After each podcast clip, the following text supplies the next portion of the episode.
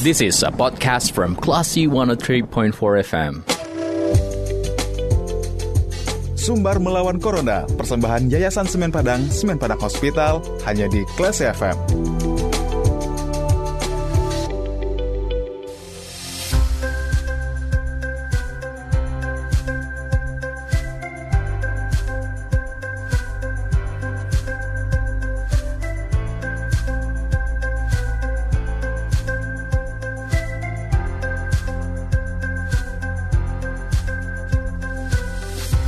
103,4 kelas FM is the Actual Radio. Selamat sore kelas people. Saatnya Anda mencermati Sumbar Melawan Corona Persembahan Semen Padang Hospital dan Yayasan Semen Padang.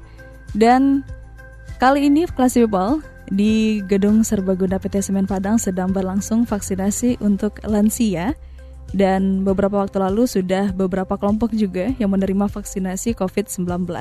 Lalu bagaimana situasi dan perkembangan kegiatan vaksinasi di PT di GSG PT Semen Padang, kita akan langsung saja bertanya dengan Dr. Dewi Nancy Putri, Mars Staff Ahli Direktur SPH. Kalau gitu kita sapa dulu. Assalamualaikum, selamat sore Dr. Dewi. Waalaikumsalam, selamat sore.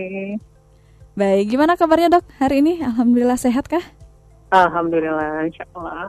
Alhamdulillah. Gimana mbak? Alhamdulillah sama, sehat juga dokter. nah dokter, uh, gimana ya? nih uh, situasi kegiatan vaksinasi di GSG PT Semen Padang pada hari ini dokter? Alhamdulillah berjalan lancar ya. Mm-hmm. Dari yang untuk lansia malah tadi kita tertuanya ada yang umur 81. Mm. Mm-hmm. Yeah. Salut deh sama yang udah senior senior semangat untuk vaksin. Iya, semangat berikhtiar gitu ya dokter ya. Iya, insya Allah. Nah dokter, lalu apa beda melakukan vaksin untuk lansia dengan yang muda nih dok? Kalau melakukannya sih sama aja, cuma nanti uh, ya kita kan melalui proses dari pendaftaran, terus juga ada screening. Nah di screening ini mungkin yang akan digali lebih dalam ya tentang penyakit-penyakit uh, apakah itu penyakit penyertanya keadaan saat ini mm-hmm. mungkin nanti di sana lah memutuskan apakah yang bersangkutan lolos vaksin mm-hmm. tunda vaksin atau memang batal vaksin mm. berarti di Jadi, proses screening ya ya screening sih sama aja sih sebenarnya cuman ya kalau kalau lansia tapi ada pertanyaan lanjutannya biasanya mm-hmm. karena lansia biasanya kan penyakitnya lebih banyak lagi kan mm-hmm. Nah, dari kegiatan vaksinasi untuk lansia ini, dokter, apa nih yang menarik ketika melakukan vaksinasi di kelompok lansia ini? Hmm, ya uh, apa ya? Kalau lansia ini lebih lebih kayaknya lebih lebih semangat ya. Masih pagi-pagi udah pada datang. Oh, lebih antusias ya, dokter ya? Lebih antusias kalau saya lihat yang yang yang ini yang lansia lebih gimana gitu kan. Mm -hmm. uh, ini saya kapan divaksinnya dok? Ya bu diperiksa dulu gini-gini gitu. lebih lebih semangat beliau-beliaunya. Iya. Salut deh sama yang lansia. Hmm, berat uh, namanya juga vaksinasi kan ada kemungkinan nih dokter lansia yang tidak uh -huh. bisa divaksin. Nah biasanya nih yang tidak lulus screening ini rata-rata karena kondisi apa nih dokter? Alhamdulillah hari ini lolos vaksin kalau nggak salah ya. Hmm. Rata-rata sih kalau masalahnya kalau yang kemarin sih uh, tensi tinggi, mm. hipertensi, mm -mm. itu aja sih masalahnya. Lebih mm. dari yang disandarkan. Mm. Kalau hipertensi kan tidak boleh lebih dari 180. 100. Iya.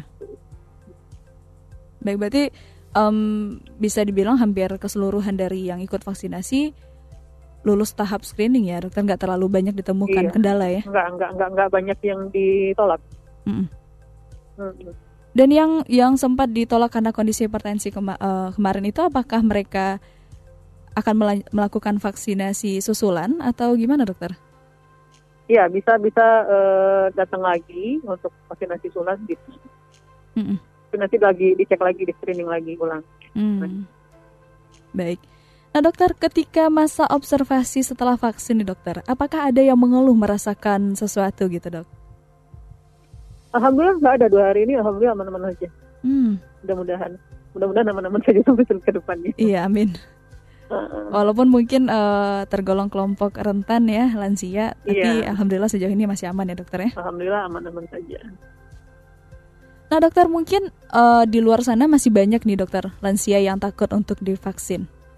Nah mungkin ada statement nggak sih dokter eh, berbahayakah vaksin untuk lansia?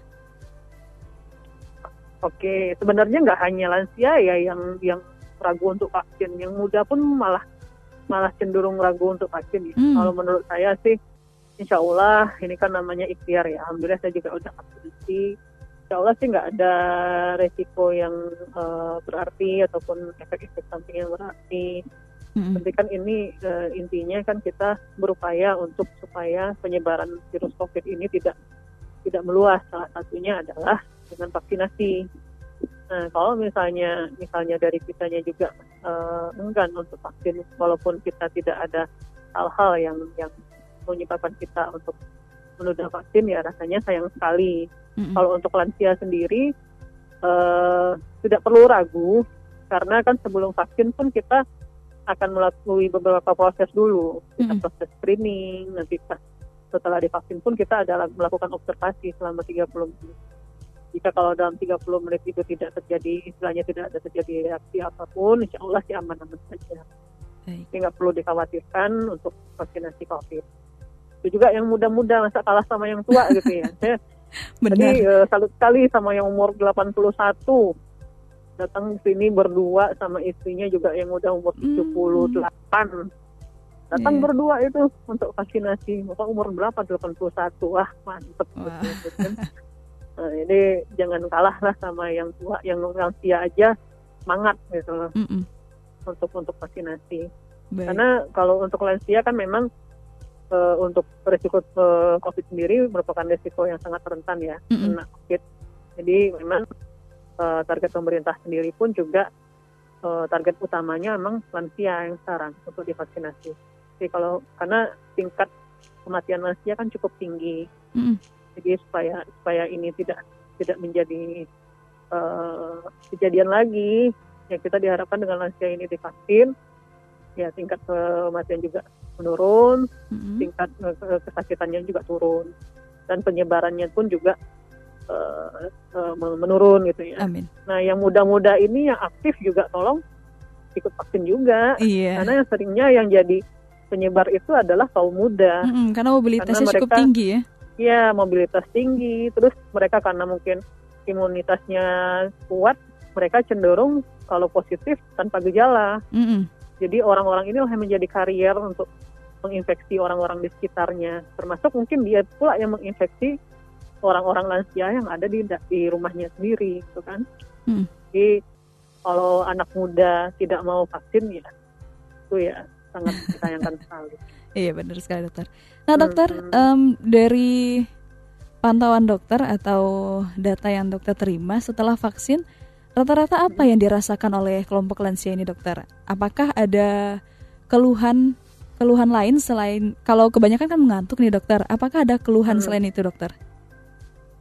Kalau yang kita observasi yang di GSD sekarang nggak ada keluhan, malah tadi tadi nggak ada kerasa apa apa dok disuntik juga nggak kerasa katanya gitu, Oke. enak-enak aja dingin dingin aja rasanya gitu.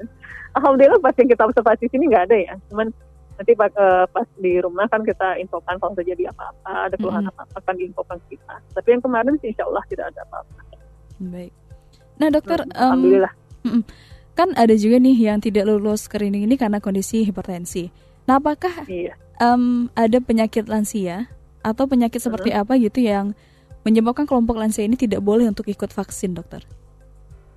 Ya seperti tadi kan kalau hipertensi pasti kan tadi Mm-mm, hipertensinya di atas 180 per 110. mm-mm, suhunya juga lebih dari 37,5. Mm-mm. Terus juga kita tanya apakah ada kesan naik turun tangga 10 anak tangga, mm, apakah sering kelelahan, apakah ada penyakitnya, penyakit 5 dari 11 penyakit misalnya hipertensi, Hmm. diabetes, eh, kanker, mm, penyakit paru kronis, kemudian apakah ada serangan jantung, gagal jantung, terus asma, nyeri sendi, nyeri dada, stroke atau ginjal. Nah, 5 dari 11 itu apakah ada?